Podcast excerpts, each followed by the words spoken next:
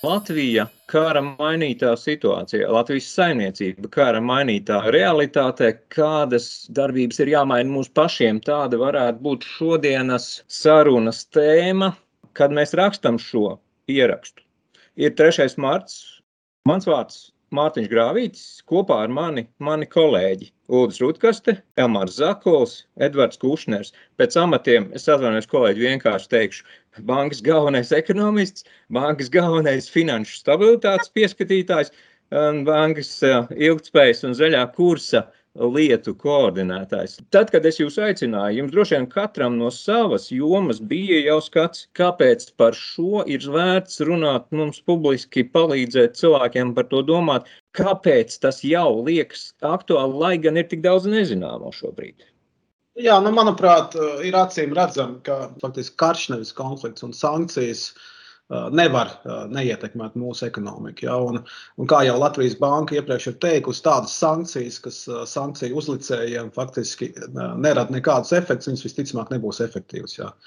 Latvijas ekonomika savu atkarību no Krievijas laika gaitā ir mazinājusi, bet neskatoties uz to, joprojām pagājušā gadā, piemēram, preču eksports uz Krieviju veidoja aptā, aptuveni 1,2 miljardus, jeb 7% no Latvijas kopējā preču eksporta. Ja.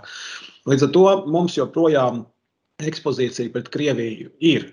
Tomēr es šeit gribētu teikt, ka tā paredzamā ietekme sankciju un faktiski saimniecisko saišu pārtraukšana ar Krieviju nebūs um, dramatiska. Latvijas ekonomika to, manuprāt, uh, pilnīgi mierīgi varēs pārdzīvot. Jo pirmkārt, mēs redzam, ka jau no 14. gada kad Krievija aneksēja Krīmu, daudzi uzņēmumi, jo īpaši ražojošajā sfērā, ir veikuši diversifikāciju ja, un ir pārorientējušies uz, uz, uz citiem, tā skaitā, rietumvalstu tirgiem. Šobrīd tā ekspozīcija, vai liela daļa no ekspozīcijas ir faktiski tā saucamajās reeksporta aktivitātēs. Liela daļa no tā ir vairumtirsniecība. Ja. Tur ir, zinām, protams, starpnieku uzcenojumi, ja, bet kopumā tā situācija nav tāda, ka mums, teiksim, vairums ražojošo uzņēmumu ir eksponēti pret Krieviju. Protams, tāda ir. Un šobrīd tā situācija ir diezgan duāla. Tie daži uzņēmumi, un droši vien, ka tie ir vairāki simti uzņēmumi, kas ir eksponēti pret Krieviju, ir eksponēti diezgan būtiski. Tas nozīmē, ka Krievija viņam veidot nu, teiksim, lielu daļu no viņu tirgus. Ja. Savukārt ir vesela virkne, un šādu uzņēmumu ir ļoti, ļoti daudz, ka, ka ekspozīcija pret Krieviju ir nulle vai vispār nav. Ja. Tā kā skaidrs, ka atsevišķu uzņēmumu līmenī teiksim, būs sāpīgi un būs droši vien jācenšas pēc iespējas ātrāk pārorientēt savus tirgus ja, no Krievijas uz rietumu valstīm. Tur, kur tas būs iespējams, protams, nu, tas nebūs viegli, bet manuprāt, tas notiks. Un, un, un pagātnē raugoties, mēs skaidri varam redzēt, ka visās krīzēs, kur Latvija pagātnē ir cietusi, nu, uzņēmumi ir bijuši ļoti elastīgi. Ja, un, un, teiksim, tā strauji mainoties situācijai, ir bijuši arī diezgan būtiski mainījuši savu, savu biznesa stratēģiju un arī teiksim, savu darbību. Un, un tas ir palīdzējis zināmā mērā krīzi amortizēt. Man būtu jautājums tīri par pēdējos gados daudz pieredzēto valsts atbalstu. Covid laikā mēs to redzējām. Vai šeit, arī šajā situācijā, būs jautājums par to, vai tas būs aktuāli un cik tas faktiski ir, nu, teiksim tā, mazliet pieļaujami. Es teiktu, jo nu, pēdējos astoņus gadus mēs esam ļoti skaidri sapratuši, kas notiek tajā, šajā tirgus virzienā. Kāds ir tavs skats uz Udi? Ļoti svarīga tēma, bet es vēl pabeigšu pie, pie iepriekšējā tas, ko es gribēju teikt.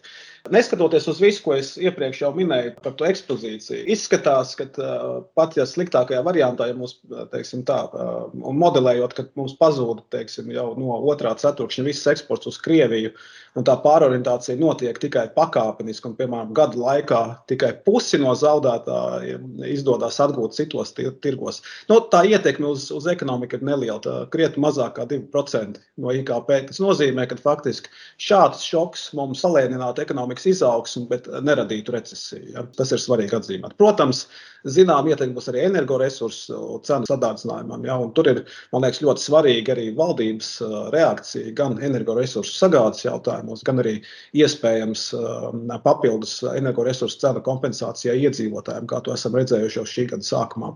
Bet par atbalstu es noteikti teiktu, es sāktu ar to, kādu atbalstu mums nevajadzētu sniegt.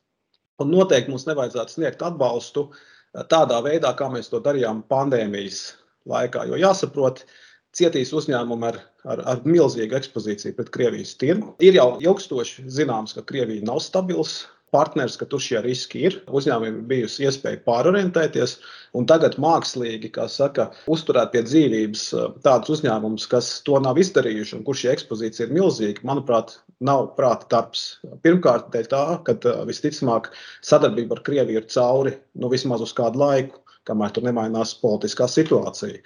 Nu, līdz ar to, manuprāt, ja valsts domātu par atbalstu, tad šeit drīzāk būtu atbalsts jāvirza uz to, kā pārorientēt uzņēmumus Un, piemēram, ja uzņēmumam ir kredibls, ticams biznesa plāns, ka viņš var teiksim, sākt savu produkciju, tirgot citos tirgos un pārorientēties no Krievijas, un tur teiksim, ir LIA iesaist, tur varētu būt arī, piemēram, Altuma iesaist, tad šādā gadījumā varētu veidot kādas atbalsta programmas uzņēmumiem, kas palīdzētu un pātrinātu šo procesu. Jā. Bet visādi citādi, ja mums dēļ sankcijām un dēļ šīs saimnieciskās darbības pārtraukšanas ar Krieviju ekonomika tomēr nu, cieši nopietnāk nekā sākotnēji sākotnēji liekas, tad, manuprāt, un ir, un ir nepieciešama vajadzība sniegt šo makroekonomisko atbalstu, ja, tad tas ir jāsniedz iedzīvotājiem pamatā, manuprāt, energoresursu cenu zināmai daļējai kompensācijai. Nu, līdzīgi kā bija gada sākumā, tur, protams, par tiem instrumentiem var runāt, kā tieši kādā veidā, bet, manuprāt, pamatā atbalsts būtu sniedzams tieši caur šiem kanāliem. Paldies, jā, pie, pie energoresursiem nākamajai ziemai un nākamajiem gadiem tur mēs vēl nonāksim. Bet pirms tam es gribēju par tautsāmniecības finansēšanu un tās stabilitāti, cik kā mums ir ar šo sektoru. Es saprotu, ka tur mums ir, nu, atkal, atkal ir divi, divi, divi gali, kokam ir pats sektors, cik tas ir, teiksim, eksponēts šajā, šajā virzienā mums, bet otrs ir, kā ir ar pašiem klientiem, cik mēs esam spējīgi joprojām turpinam būt kredīt spējīgi un maksājam un aizņemamies un daram šos procesus. Kā ar, uz to skatās Amārs? Finanšu sektorā, es domāju, mm, šķiet, ka centrālais vārds šobrīd eh, vairāk kā jebkur citur ir, ir sankcijas. Lai cik tās būtu apusēji sāpīgas, tās šajā brīdī viennozīmīgi ir eh, labākā no, no politikas un rīcības alternatīvām. Un, nu, ko pēc būtības jārēķinās, ka, ka līdzīgi kā ekonomiskā sadarbībā, arī, arī finansēs krīt tāds savu veidu dzelzs priekškars, Un, un praktiskā nozīmē, lai, lai cik mūsu, arī, arī globāli finanšu sektors ir pēdējos gados investējis savā kapacitātē kontrolēt šīs pastiprinātās naudas atmazgāšanas, novēršanas un, un sankciju prasības, jārēķinās, ka tā, ka tā saišu saraušana Krieviju un Baltkrieviju būs daudz lielākā izriet no, no pašām sankcijām un daudz faktoru iespējā būs noteikti pastiprināti mēģinājumi apiet šīs sankcijas, tāpēc nu, jebkurš finanšu tirgus dalībnieks pats par sevi būs piesardzīgāks, sankciju saraksts pastāvīgi aug. Pats tirgus Krievijā kļūst neatraktīvs, ja? bet svarīgāk par visu, es domāju, ka šeit uh, centrālais un, un pamatoti kļuvis tāds reputācijas jautājums, kas, kas regulētā finanšu sektorā ir ārkārtīgi nozīmīgs faktors. Ja? Attiecībā uz ekspozīcijām, ko tu jautāji, es teiktu, līdzīgi kā ekonomika, arī finanšu sektorā ekspozīcija pret Krieviju, Baltkrieviju pēdējos gados ir ļoti būtiski samazinājušās. Es pat teiktu, vēl e, izteiktāk finansēs nekā ekonomikā, un tās atlikušās ekspozīcijas nav nav sistēmisks. Vienkāršā valodā sakot, ekspozīcijas tas ir tātad, cik mēs esam tur devuši kredītus, cik, cik mums ir tur kaut kādi projekti, cik mums ir investīcijas mūsu kapitālā no turienes. Un tā kā tādā, tādā virzienā to mēs jā, varam. Jā, jā, jā, tieši, tieši tā. Un tas attiecās ne tikai uz regulētiem tirgus dalībniekiem, bet arī nu, jebkuru privāto investoru. Ja? Tomēr tas Krievijas finanšu tirgus arī pēc Krīmas notikumiem tomēr jā, šīs energoresursu cenas auga, bet, bet, bet eh, pats tirgus kā tāds eiro izteiksmē, viņš nebija tāds. Tāds gluži izaugsmes uh, tirgus attraktīvs. Un, protams, visi šie ģeopolitiskie riski ja, un, un, un daudzi citi faktori.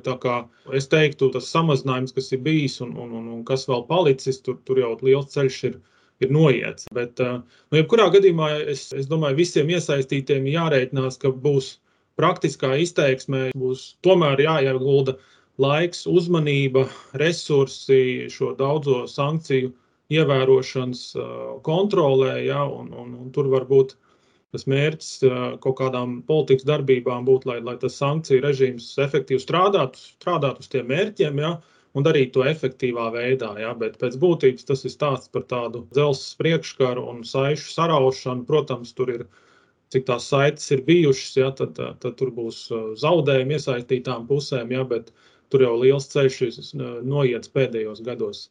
Bet otrā lieta, ko es gribēju tomēr atzīmēt, arī pēdējā laikā, tādas paralēlās lietas, kas ir notikušas, kriptovalūtas vai kriptoaktīvi, kā mēs sakām, un, un daudz citu tādu tirgus segmentu, kas ir attīstījušies pēdējā laikā, kur man pašam personīgi tas viedoklis, ka, ka viņu tas uh, nav labs tulkojums vārdam hypes, ja, bet viņu tāds uh, atraktivitāte. Jā, atraktivitāte bija tomēr saistīta ar, ar, ar, ar nu, tām šīm pastiprinātajām prasībām naudas atmazgāšanas un, un sankciju jomā. Un, un jārēķinās, ka šis segments nav regulēts, ja, un caur viņu visticamāk mēģinās, nu, būs nu, visi pastiprināti mēģinājumi kaut kādā veidā šīs sankcijas apiet. Ja.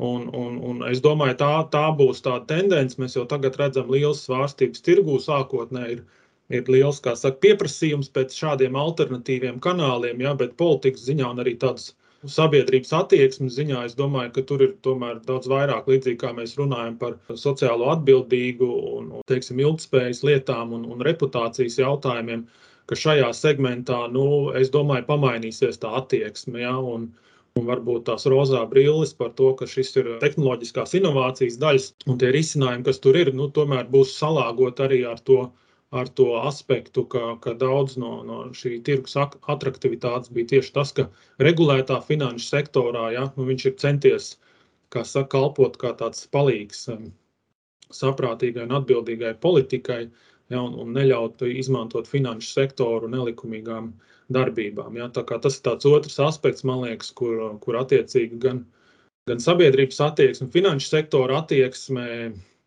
un politikā tas varētu būt tāds tāds izmaiņu uh, punkts. Un, un trešais, kas, kas man liekas, ir svarīgi, finanšu sektors jau starpnieks, ja viņš novirza uzkrājumus uz, uz investīcijām, un tas, ko mēs tagad redzam ar to saišu saraušanu, ka tās investīcijas, kas, kas plūda uz Krieviju, ja, un, un, un, un tur, kur tika investēts, un kas pasaulē, kā saka, bija tā atkarība no, no Krievijas energoresursiem, Krievijas izējuma materiāliem, pār, pārtikas, šīm precēm nu, nu, tagad jau ir skaidrs, ja, ka tās naudas plūsmas viņas pārvirzīsies visticamāk uz citiem līdzīgiem attīstības tirgiem, valstīm, kurās ir šie resursi, ja, lai apkalpotu saka, pasaules vajadzības. Tas notiks dabiski, bet nebūtu slikti to arī, arī veicināt. Ja valsts, protams, gribēs būt pašpietiekamā, kas šīs piegādes ķēdes ir lielās problēmas. Ja, bet resursi ir tur, kur viņi ir. Es domāju, ka, ka tagad tās naudas plūsmas arī pasaulē globāli ies, un viņām vajadzētu iet, lai investētu, lai būtu tas piedāvājums un, un kapacitāte citās vietās, kur tie resursi ir, viņus piegādāt. Paldies, Amāra. Energoresursus mēs jau esam paspējuši vismaz divas reizes, ja ne trīs pieminēt. Edvards saka, lūdzu, enerģētika un šis sektors mums kas tad tagad īsti notiek? Gāze, es saprotu, mēs pārējām uz sašķidrināto, cik vien maz, maz varam. Tehniski mums tādas iespējas tā kā ir nākamajai ziemai, mums tā kā ir nu, skaidrība un darbs jau sācies, bet jautājums ir par nākamajiem pāris gadiem. Tepat arī droši vien klāt arī tad jau zaļā kursa situācija, ja reiz enerģētika. Jā, jāteic, šī ir tā interesantā situācija, kad karš var padarīt pasauli zaļāku, ja mēs skatāmies uz ilgtermiņu. Un te ir runa, protams, par liela fosilā resursu ražotāju, piegādātāja izslēgšanu no tirgus, kas viennozīmīgi nozīmē, ka ir jāpāriet uz zaļākām tehnoloģijām, uz alternatīvām, kas ir ar, tādu ilgtermiņa skatu jau. Bet īstermiņā mums nav iespējas to izdarīt tik ātri, kā gribētos. Tas nav tā, kā aiziet uz autosalonu un nomainīt savu teiksim, dīzeļa automašīnu pret elektroautorātu. Tās ir investīcijas, investīcijām vajadzīgs laiks.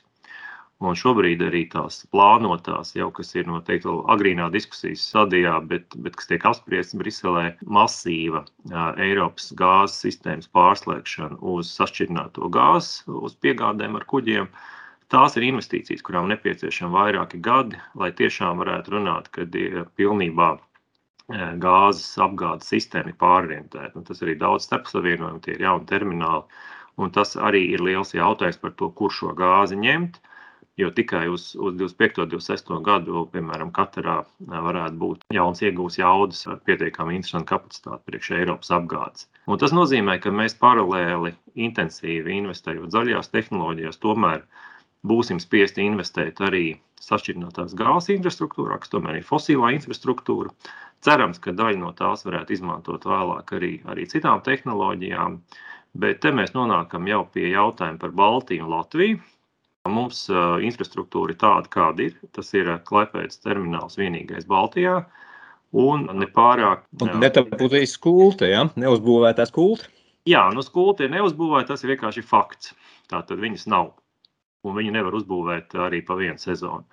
Un, un Klaipēda var nodrošināt uh, Inču kalnu, līdz ar to arī Baltijas valsts ar gāzi, ja tiek ļoti precīzi, teiksim, laika ziņā uh, un blīvi izmantot visu laiku, ka, lai paspētu uzpildīt Inčkānu. Pamatā tas jautājums arī par šauro savienojumu starp Latviju un Lietuvu.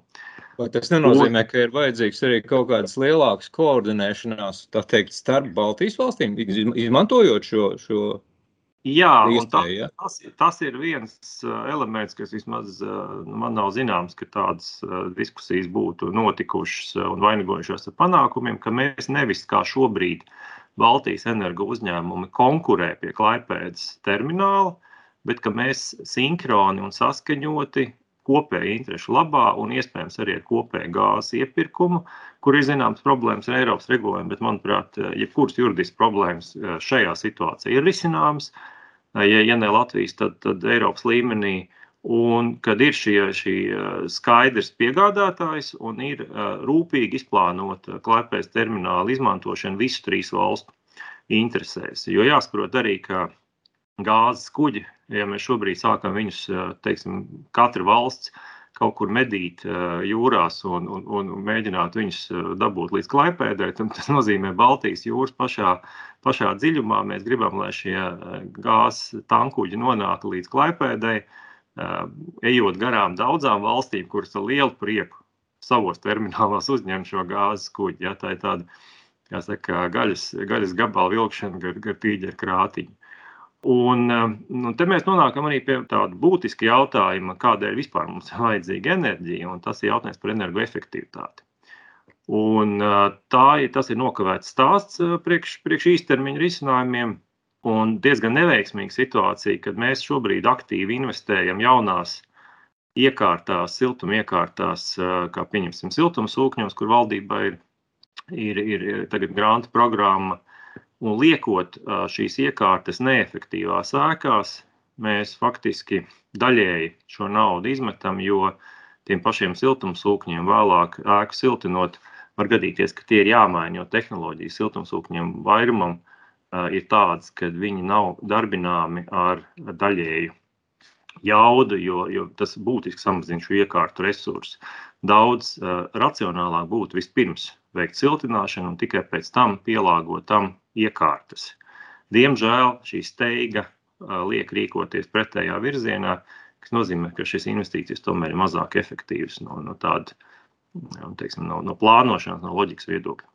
Jā, ka tev jāuztraucās par to, vai tu nākamajā ziemā būsi būs kaut cik siltumā un aiznākamajā, tad, protams, ar to ir jārēķinās. Tas vienkārši ir nosacīti. Nu, labi, tās ir kara izmaksas, kara, kara, kara radītas izmaksas. Tur neko, ne, neko nevar darīt. Tad tu, tu pieminēji jau to m, mm, iešanu prom no fosilā uz zaļo nosacīti. Saprotu, ka valdība ir arī ko jaunu pieņēmusi, kā plānos attiecībā uz vēja enerģiju. Teiksim, tur pietiekami lielu apjomu nākamajos piecos gados papildināt vēja parkus Latvijā. Vai tas arī ir atbalsts? Atbalsts jau nu, tāds jūtams šīs krīzes ietvarā, vai, vai tā to var uztvert? Pat pie salīdzinoši īsiem uzstādīšanas laikiem, tomēr neko daudz, es domāju, šajā vasarā no vēja parkiem uzstādīt nevarēs. Mēs paskatāmies eh, projektu, kas ir eh, Latvijas valsts mežiem ar Latviju energo. Un tie ir vairāki gadi, kamēr tiek notiek projektēšana, eh, visu dokumentu sagatavošana un, un uzstādīšana un saslēgšana.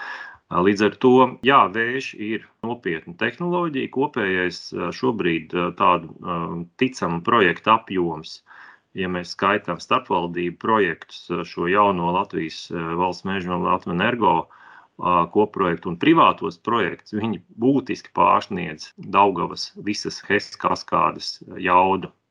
Tātad vējš ienāk kā ļoti nopietns spēlētājs. Protams, tam nāk arī savas blaknes, ir nepieciešama balansēt šo energo avotu, bet arī tur nu, cerams, ka tehnoloģijas pamazām attīstīsies un kļūs aizvien efektīvākas.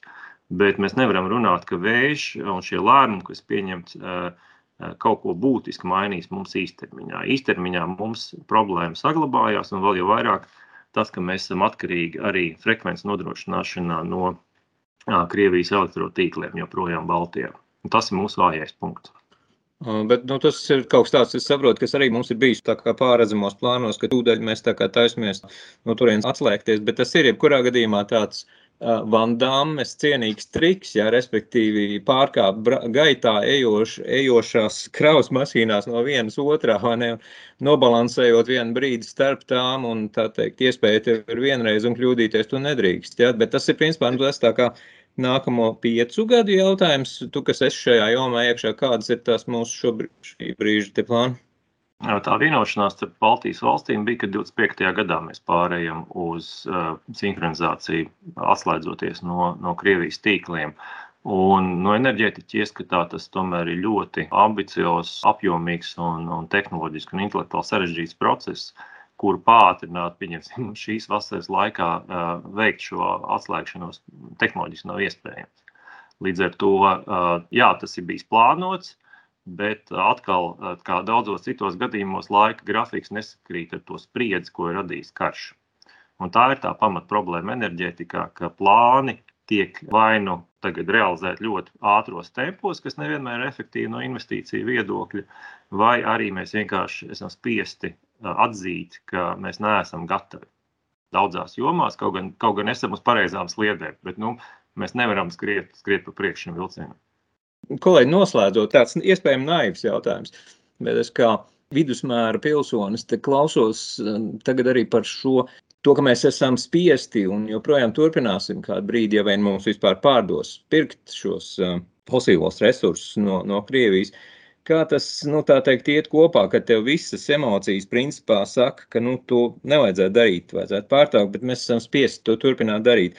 Kā, nu, kāds, kāda ir jūsu pieeja? Kā jūs teiksim, dzīvojat ar šo pretrunu un reizē spējat turpināt sevi, sevi teiksim, tā, nu, cienīt un, un, un dzīvot? Kā, kā jūs uz to skatāties, kolēģi? Man šeit nav vieglas atbildes. Es teiktu, ka mums ir pēc iespējas ātrāk jāatslēdzas no Krievijas gāzes un enerģijas resursiem. Ja? Uh, Bet šeit, tas ir jautājums energospeciālistiem.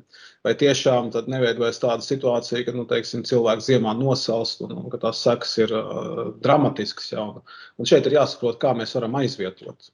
Skaidrs, ka Krievija pasaulē ir diezgan būtisks energoresursu piegādātājs. Bet no otras puses mums jāsaprot, ka pērkot Krievijas gāzi, mēs finansējam karu Ukrajinā. Ja? Un ta, tas ir ļoti nepatīkams jautājums. Par enerģētiku tomēr ir, ir jāsadala to, ko var un ko nevar izdarīt. Kā jau minēju, Baltijas valsts veido vienotu pieeju un uh, saprātīgi izmanto klēpēs terminālu. Mēs faktiski varam jau šobrīd atbrīvoties no nepieciešamības iegādāties Krievijas gāzi. Uh, elektrības uh, tirgu, jā, tas ir sarežģītāk. Tur mums tās izvēles faktiski nav, un mēs arī nevaram darbināt nevienu iekārtu pat ar, ar, ar zaļajām tehnoloģijām saistīta. Mums elektrosistēma nestrādā. Bet, manuprāt, tas glābiņš tomēr šai ziņā ir tas, ka mums ir virkne dažādu iedarbinātu sankciju, ka mēs spējam arī pietiekami pacietīgi uztvert tās eh, negatīvās eh, izpausmes, kas parādās citos ekonomikas sektoros, un vienkārši darām visu iespējamo pārējās jomās. Ja reiz mēs nevaram enerģētikā tik, tik viegli izdarīt izvēli, kas attiecās uz šo elektrības tirgu. Tā, paldies, Edvards. Tas bija caur praktisku rīcību pie optimisma mazliet lielāk, cik viņš vispār šajā situācijā ir iespējams. Paldies, kolēģi. Vai tev bija, Elmār, vēl arī piebilstams, ka es... Jā, es arī par to tēmu domāju, ka kā ar to labāk sadzīvot, es domāju, vajag maksimāli censties šīs emocijas ievirzīt nu, tad, praktiskos darbos, jo, jo, jo šīs lietas, lai mazinātu atkarību, būs nepieciešams uh, lielas investīcijas un, un, un ilgstoši. Un vienkārši ir um, jāizmanto šis brīdis, lai apzinātos, jā, ka šis solis ir jāveic, ka tā ir ievainojamība un, un tas jautājums ir jārisina. Un neatlaisties no tā, pat ja tas maksā lielus resursus, lai kaut kas, nu, kā saka, mēs, mēs nepazaudējam tieši to šī, šī brīža, to momentu. Ja jo tas prasīs, kā Edvards teica, ilgstošu laiku, daudz naudas, un vajag uzlikt to uz, uz pareizām sliedēm, lai tas nav kaut kāds ātrs emocionāls lēmums kaut ko tagad atslēgt, bet lai mēs tad izstrādājam un nodrošinam to risinājumu, un tas prasīs ilgāku laiku, un, un vajag, kā saka, tās emocijas ievirzīt pacietīgā, neatlaidīgā, mērķtiecīgā darbībā. Paldies. Pacietības brīdis, kas ir jāīsteno darbībā. Jā. Tas laikam ir tie, ir tie secinājumi, ko esam šajās minūtēs spējuši darīt. Es ļoti ceru, ka šī nu, skaļā domāšana, ko mēs, tas laikam bija tas vingrinājums, ko mēs šeit mē, mēģinājām izdarīt, ka tas varbūt cilvēkiem arī šajās dienās, šajās stundās par šīm lietām domājot palīdz. Par to jums, kolēģi, paldies! Uz sadzirdēšanos šajā vai citādā formātā citreiz. Paldies, kolēģi!